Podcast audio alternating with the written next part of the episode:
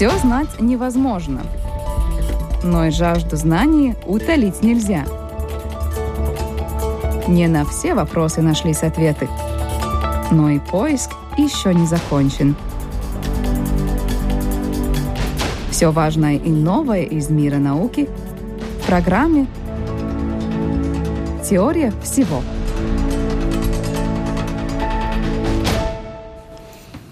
Здравствуйте, дорогие друзья. 14 часов и 10 минут. Как обычно, это время по вторникам программа «Теория всего». Меня зовут Алексей Гусев, и мы с вами говорим обо всем важном и интересном из мира науки.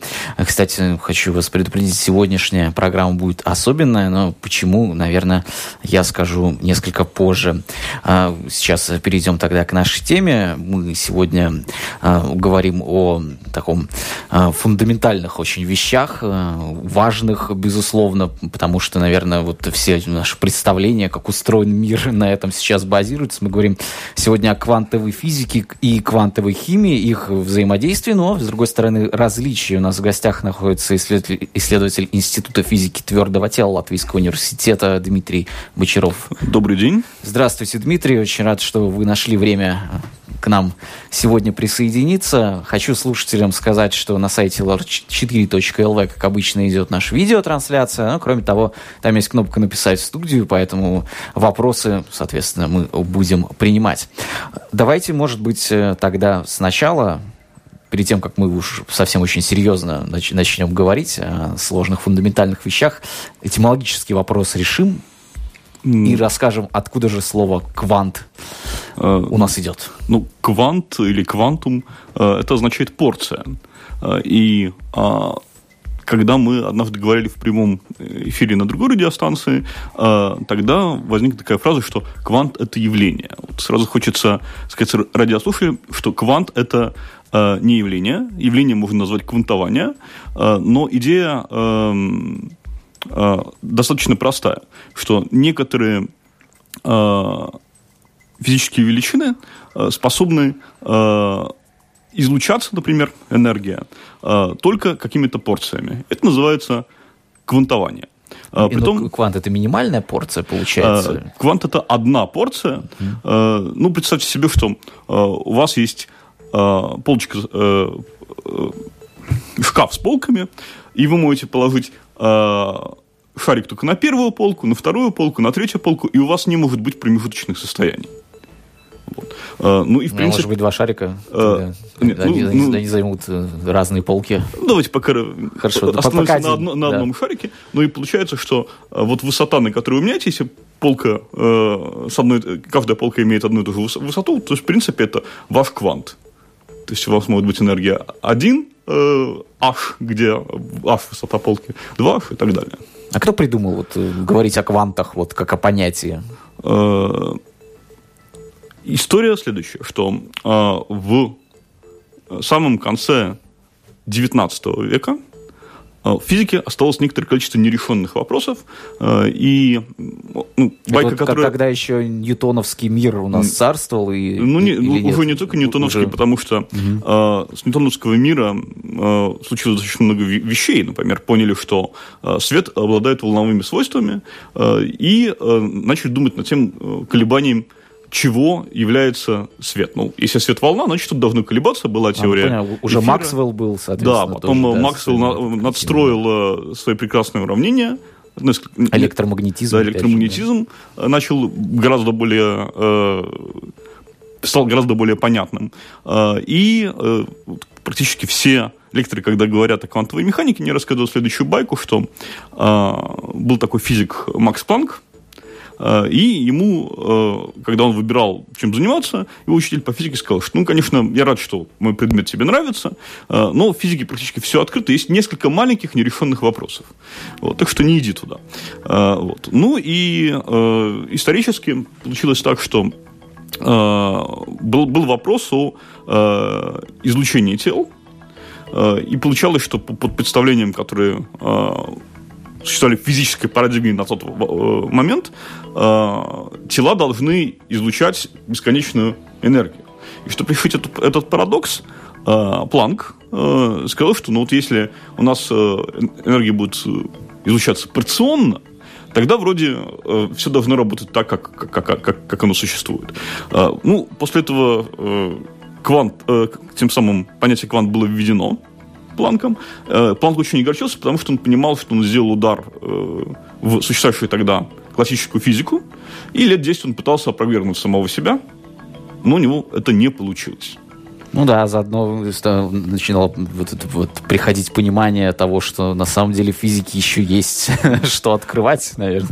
Э, да, ну и одновременно с этим возникали другие э, сопутствующие э, открытия. Например, э, 1895 году было открыто рентгеновское излучение, излучение да. И тоже было непонятно, какого рода это излучение. А, был э, непонятен так называемый фотоэффект, то есть выбивание э, с поверхности металлов э, отдельных электронов светом. И в конце концов внезапно оказалось, что существует целый неоткрытый континент физики под названием квантовая механика, который действует на, на малых расстояниях, крайне малых расстояниях, Э, и с этим связана революция э, физики, которая произошла в начале 20 века. Да, действительно.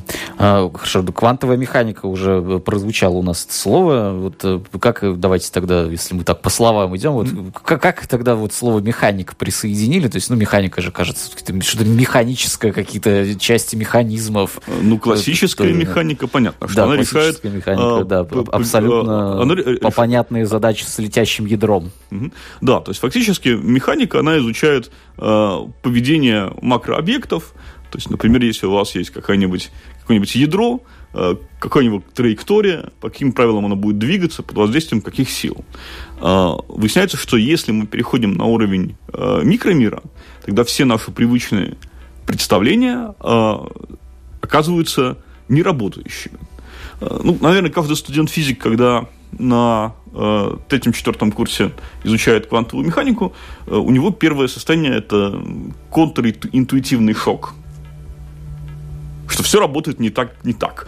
А потом ты к этому просто привыкаешь. Э, ну вот, например, э, известно, что в квантовой механике мы не можем одновременно э, померить импульс и положение частицы. То есть мы либо знаем, где она находится, либо знаем, с какой скоростью куда, куда она летит. Если мы хотим измерить то и другое, то это невозможно. И это так называемый принцип неопределенности.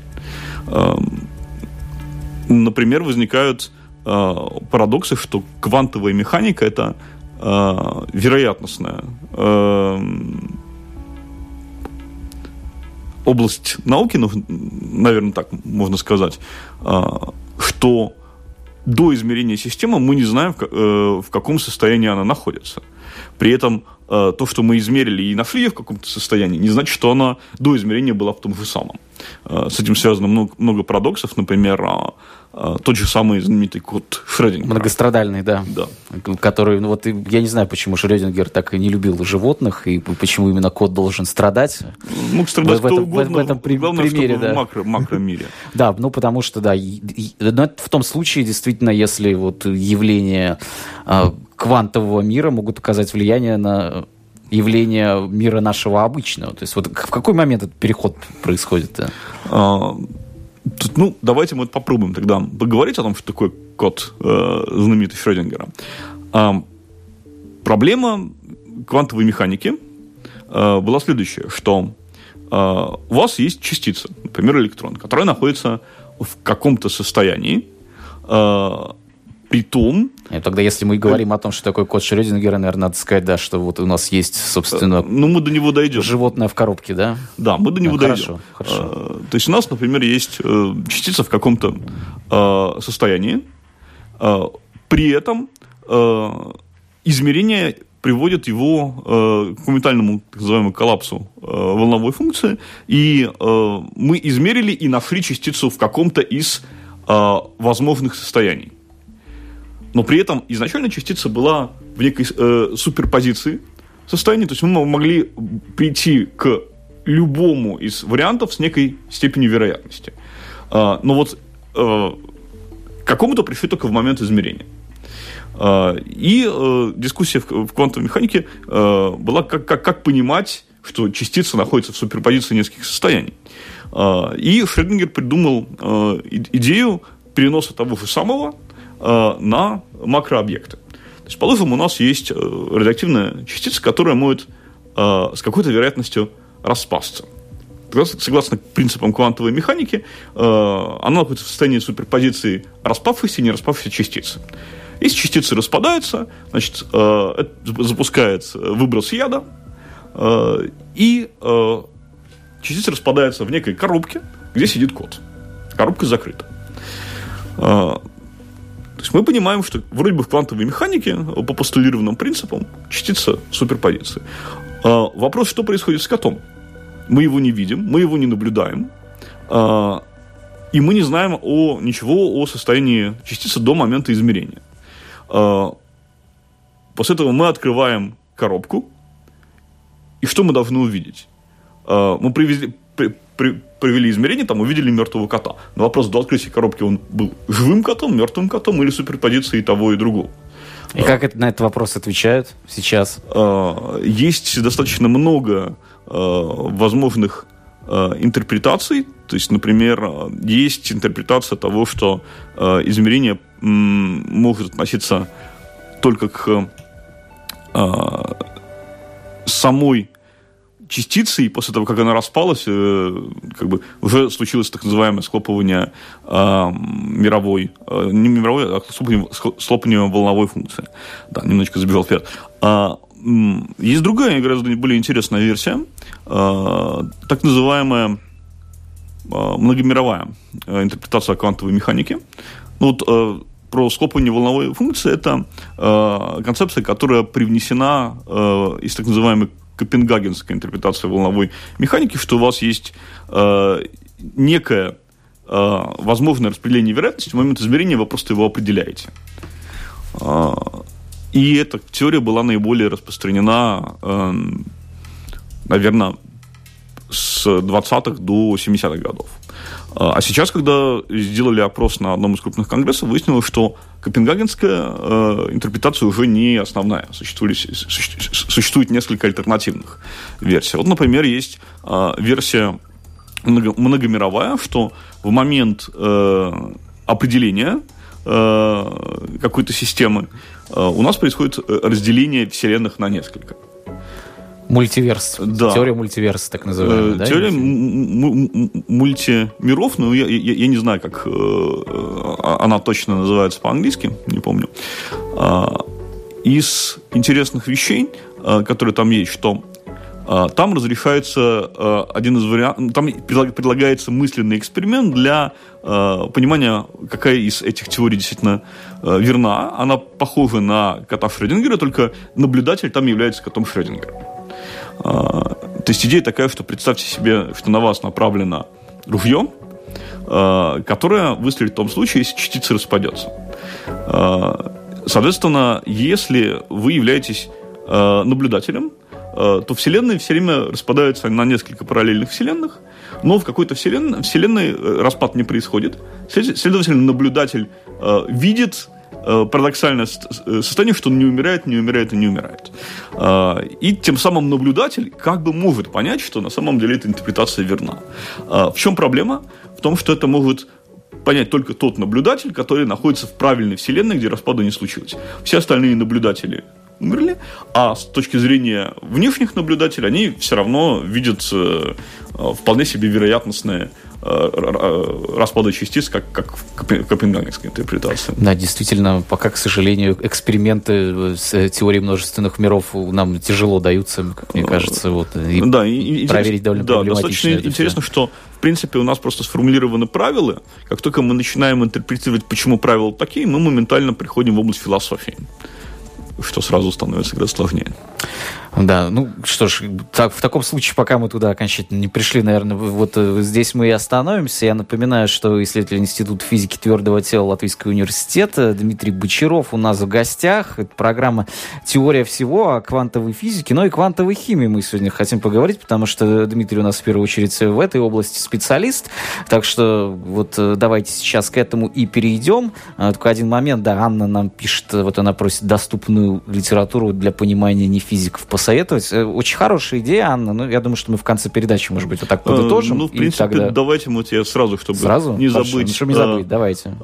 Если вы обладаете математическим аппаратом, то на русском языке в библиотечке «Квант» выходил 75-й выпуск «Квантовая механика для больших и маленьких мигдал».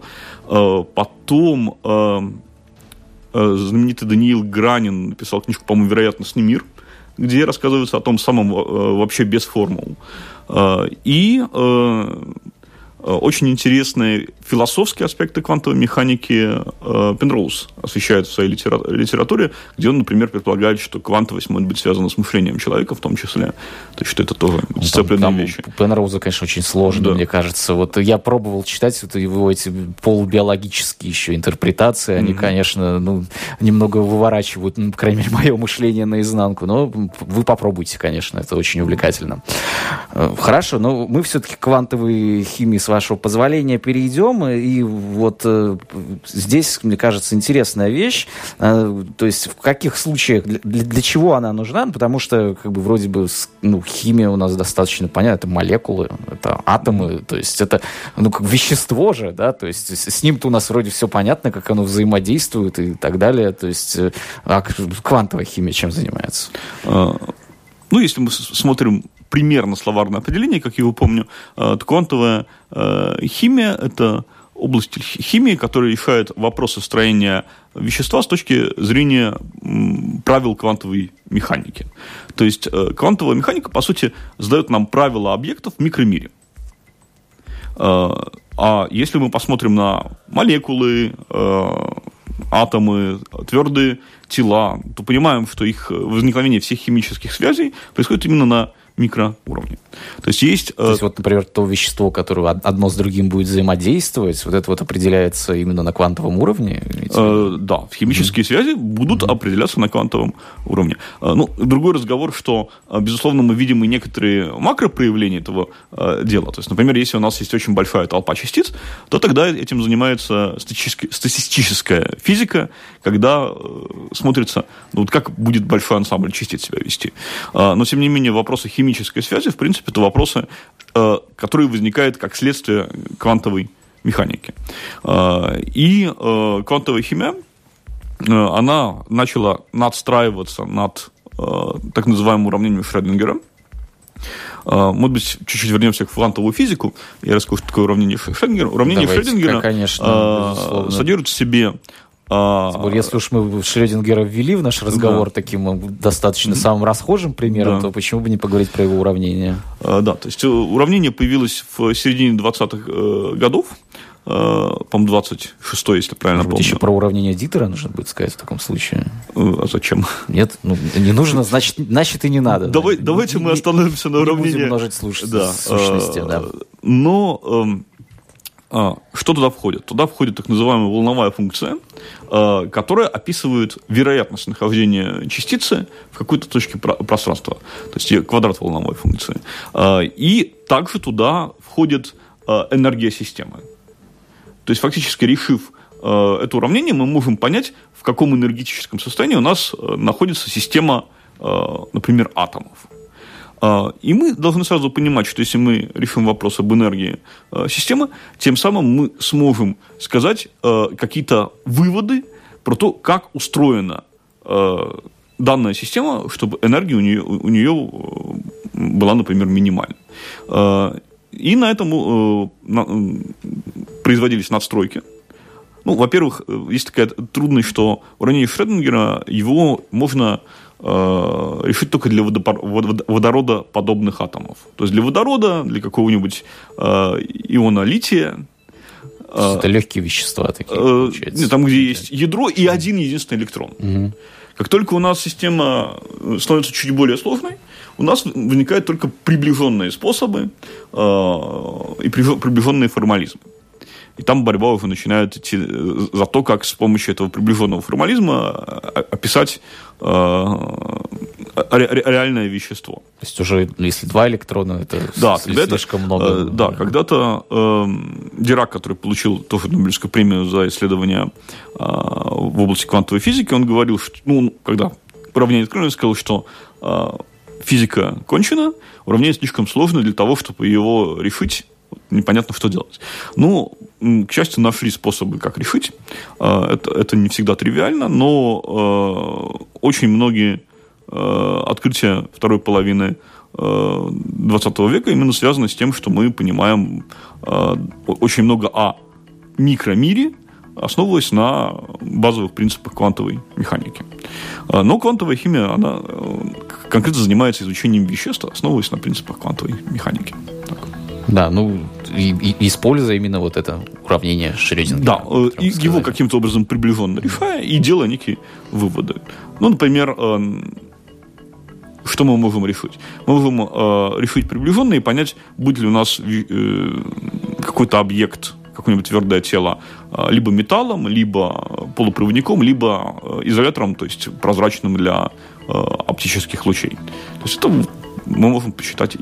И что, почему вообще этот вопрос появляется? Зачем нужна квантовая химия? Э, во-первых, э, мы сможем предсказывать что-то для тех веще- веществ, которые либо не синтезировали э, еще, либо которые достаточно трудно исследовать. Ну, например... Это, я у вас хотел да, как раз спросить уже ну, вот, о том, значит, имеет ли это отношение к расширению таблицы Менделеева? Э, квантовая химия не имеет отношения к расширению таблицы Менделеева. Э, но, например, если вы исследуете ядерные вещества, то гораздо проще, э, используя современные компьютеры и приближенные э, методы квантовой химии посчитать модели, нежели чем сделать 20 э, опасных экспериментов с высокорадиоактивными э, веществами.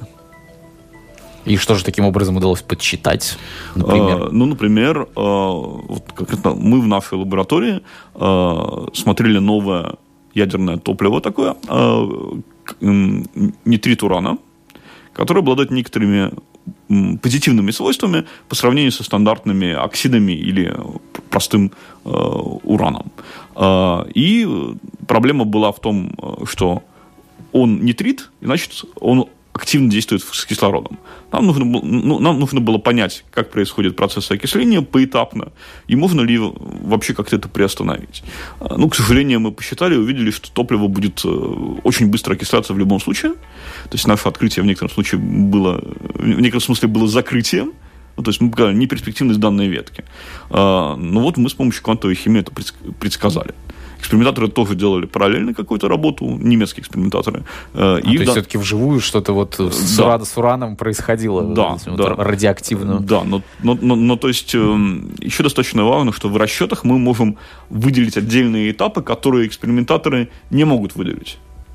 То есть мы можем понять все стадии окисления на Э, уровне возникновения химических связей. Например. То есть, а вот э, вживую это э, тоже происходило и дублировалось для того, чтобы все-таки проверить расчеты, то есть, чтобы убедиться, что вы правильно подсчитали, такой вот сверку провести или еще какой-то есть в этом идея? Ну, в принципе, идеальный вариант, когда у вас есть явление, и вы понимаете его как теоретически, так и экспериментально.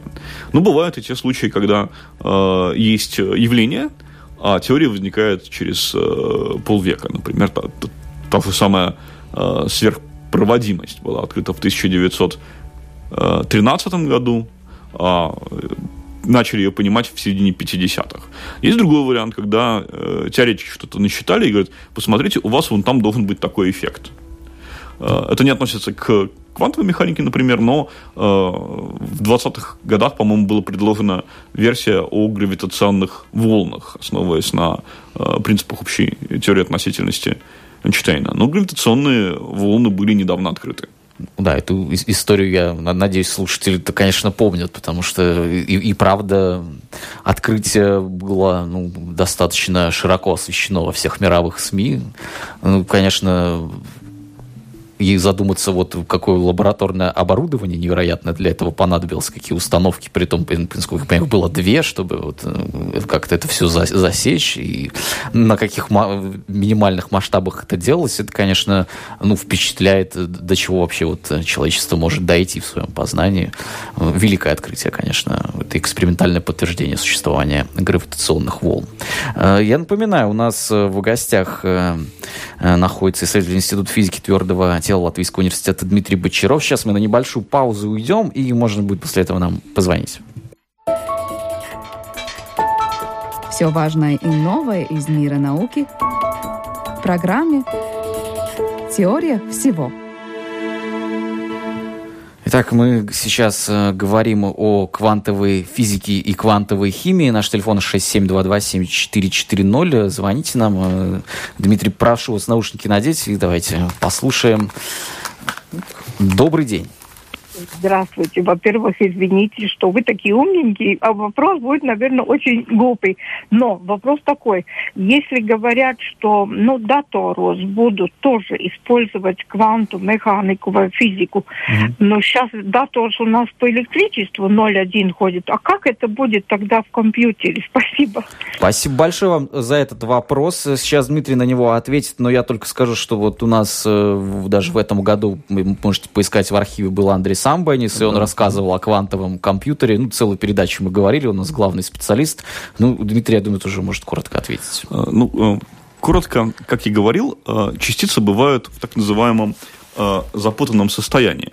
То есть, и если частица находится в запутанном состоянии, тем самым на ней может одновременно обрабатываться гораздо больший объем информации.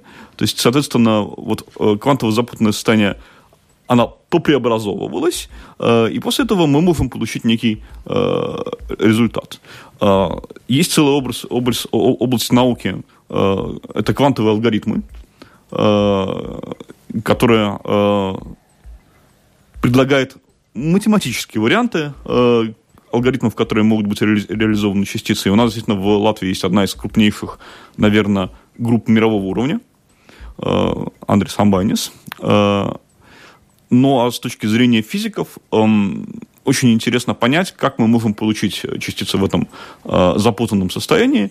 Например, это могут быть ионы, на которые воздействуют лазерные импульсы, чтобы они были в необходимом для физиков состоянии. И в данный момент квантовые компьютеры работают только с несколькими битами именно из-за, э, скорее, экспериментальных ограничений, э, потому что трудно создать такую систему. Но если это все будет решено, тогда у нас будет экспоненциальное буквально такие увеличение скорости вычислительных мощностей. И что еще более интересно, то, что большинство существующих Э, способов кодирования информации, например, которые используют банки, они будут больше э, негодными и, и придется ну, в ином... целое да. обновление в криптографии. Да, целое да? обновление в криптографии. Да, совершенно. Криптографии. Вот об этом мы с Андресом Абонисом тоже говорили. 6722744, давайте еще один звонок попробуем принять. И здравствуйте. Алло. Да, пожалуйста. Добрый день. Вот на самой заре э, значит, современной физики на самый, на самый, там, ну, это э, первое десятилетие прошлого века, стояло две проблемы. Две. Значит, э, за которые заключается в том, что невозможно было объяснить поведение электронов. Значит, первая проблема э, возникла э, при изучении бета-распада. Когда электроды в, после распада ядра вылетали, значит, с, с самыми разными скоростями – и, то есть имели непрерывный спектр скоростей по модулю, по модулю. И там тоже предлагали, значит, э, подойти к этому, к, к, к этому вопросу с точки зрения статистики. Э, и была выдвинута гипотеза, что законы физики, в частности законы сохранения, они выполняются в среднем. Для группы явлений, но в каждом отдельном э, значит, э, эксперименте они могут нарушаться. Значит, одна светлая голова итальянская, да, эту проблему решила элементарно просто – оказалось, что существуют э, те частицы, которые тогда еще не умели регистрировать. Не, значит, нейтрино, нейтрино, да. нейтрино, да. И все. И все мгновенно упростилось. И никакой статистики. И все стало элементарно просто. И оказалось, что законы физики, в частности, законы сохранения, э, выполняются с огромной точностью, э, в том числе и в микромире. Все было элементарно просто, мгновенно сразу стало.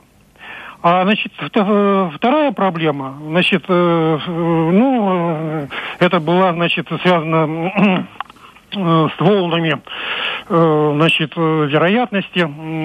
И, значит, свое решение так и не нашла элементарно. Значит, электроны почему-то после вылета начинали двигаться с произвольными скоростями по направлению, не по модулю, а по направлению. И, э, значит, э, э, возникала дифракция электронов. Почему она возникала? Ну, вот здесь уже никто объяснить не мог. И до сих пор никто не может объяснить. Альберт Эйнштейн, он был, он, он был единственный солидный человек, который мог себе позволить не согласиться вот со, со, со статистическим подходом к квантовой механике. Все остальные были вынуждены, но им было просто стыдно сказать студентам, что они не знают, почему электроны ведут себя э, как хотят, так и ведут. Так, спасибо большое вам за этот экскурс. К сожалению, вот нужно да, прервать, как бы, потому что время у нас Да, к сожалению, я не догадался вопроса, но, э, возможно, вопрос э, был о так называемой э, теории скрытых параметров, потому что известен э, спор Эйнштейна и Бора э, о том, играет ли Бог в кости. И позиция Эйнштейна была, что Бог в кости не играет. Э, и он, например, предложил так называемый мысленный эксперимент, э, э, заключающийся в том, что э, мы э, пускаем э, частицы в разные концы Вселенной, при том эти Э, частицы находятся в связанном состоянии. То есть, например, если мы измерим э, одну частицу и поймем, что у нее спин вверх, то второй должна автоматически быть со спином э, вниз. Ну и вопрос, в какой момент это определение происходит. Действительно, ли частица себя чувствует. Ну, современное представление, что да, частицы себя чувствуют. А и, Бог, и, Бог играет в кости и, и, Бог, и Бог таки играет в кости. Хотя вот эм, на физмате э, я помню, э, что э, в какой-то момент, когда я проходил квантовую механику, мне пришла в голову странная идея, которая, с которой я пришел к моему коллеге, старшему товарищу Вячеславу Кощееву. Дело в том, что я понял, что, например, если там, кто-то захочет вмешиваться в жизнь людей, оставаясь инкогнито, то квантовая механика – это Э, прекрасный способ это делать оставаясь за кадром. Э, я поделился э, со Славой, и Слава мне сказал, что, в принципе, такую мысль испытывает каждый который, каждый думающий студент, который когда-то изучает квантовую механику. То есть, соответственно, мы сразу тогда, конечно, отправляемся опять в область философии, но... И, да, не, не дай бог конспирология. Да, но если, например, есть... То есть Богу было бы удобно создать квантовую механику, чтобы управлять э, миром, не оставаясь за кадром.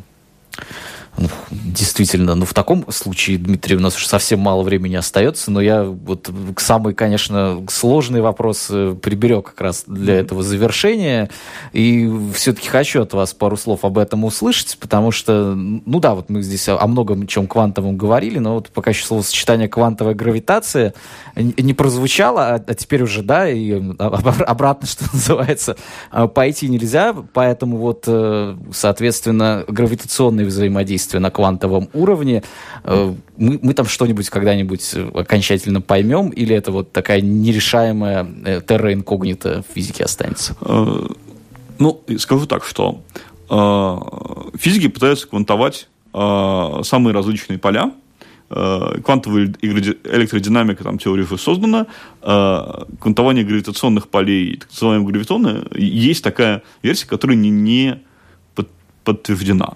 А, так как это достаточно серьезная теоретическая область физики, которая далека от меня, я больше, чем то, что я вам сказал, сказать в данный момент не могу. То есть для этого я должен там изучать, смотреть э, ну, статьи. Я думаю, что но, это... э, но э, я думаю, что если какие-то признаки гравитонов э, откроют, это явно Нобелевская премия. Вот. Пока это краси- красивая теория, что хочется закантовать все.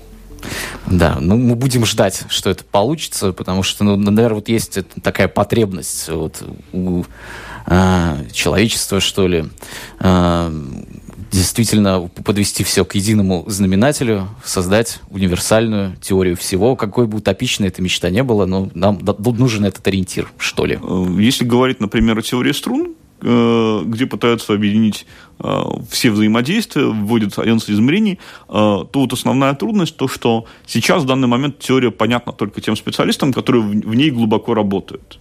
Потому что, то есть, там, Э, математическая надстройка, которая там чуть-чуть лучше описывает один из измерений, э, ну, для обыкновенных неспециалистов не в области, она очень трудно подъемна.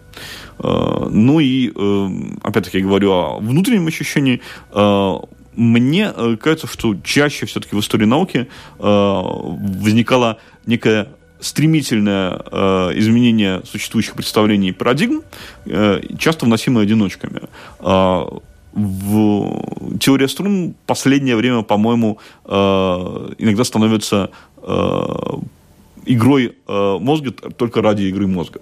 Ну ничего, есть же еще теория Бран и М-теория тоже есть.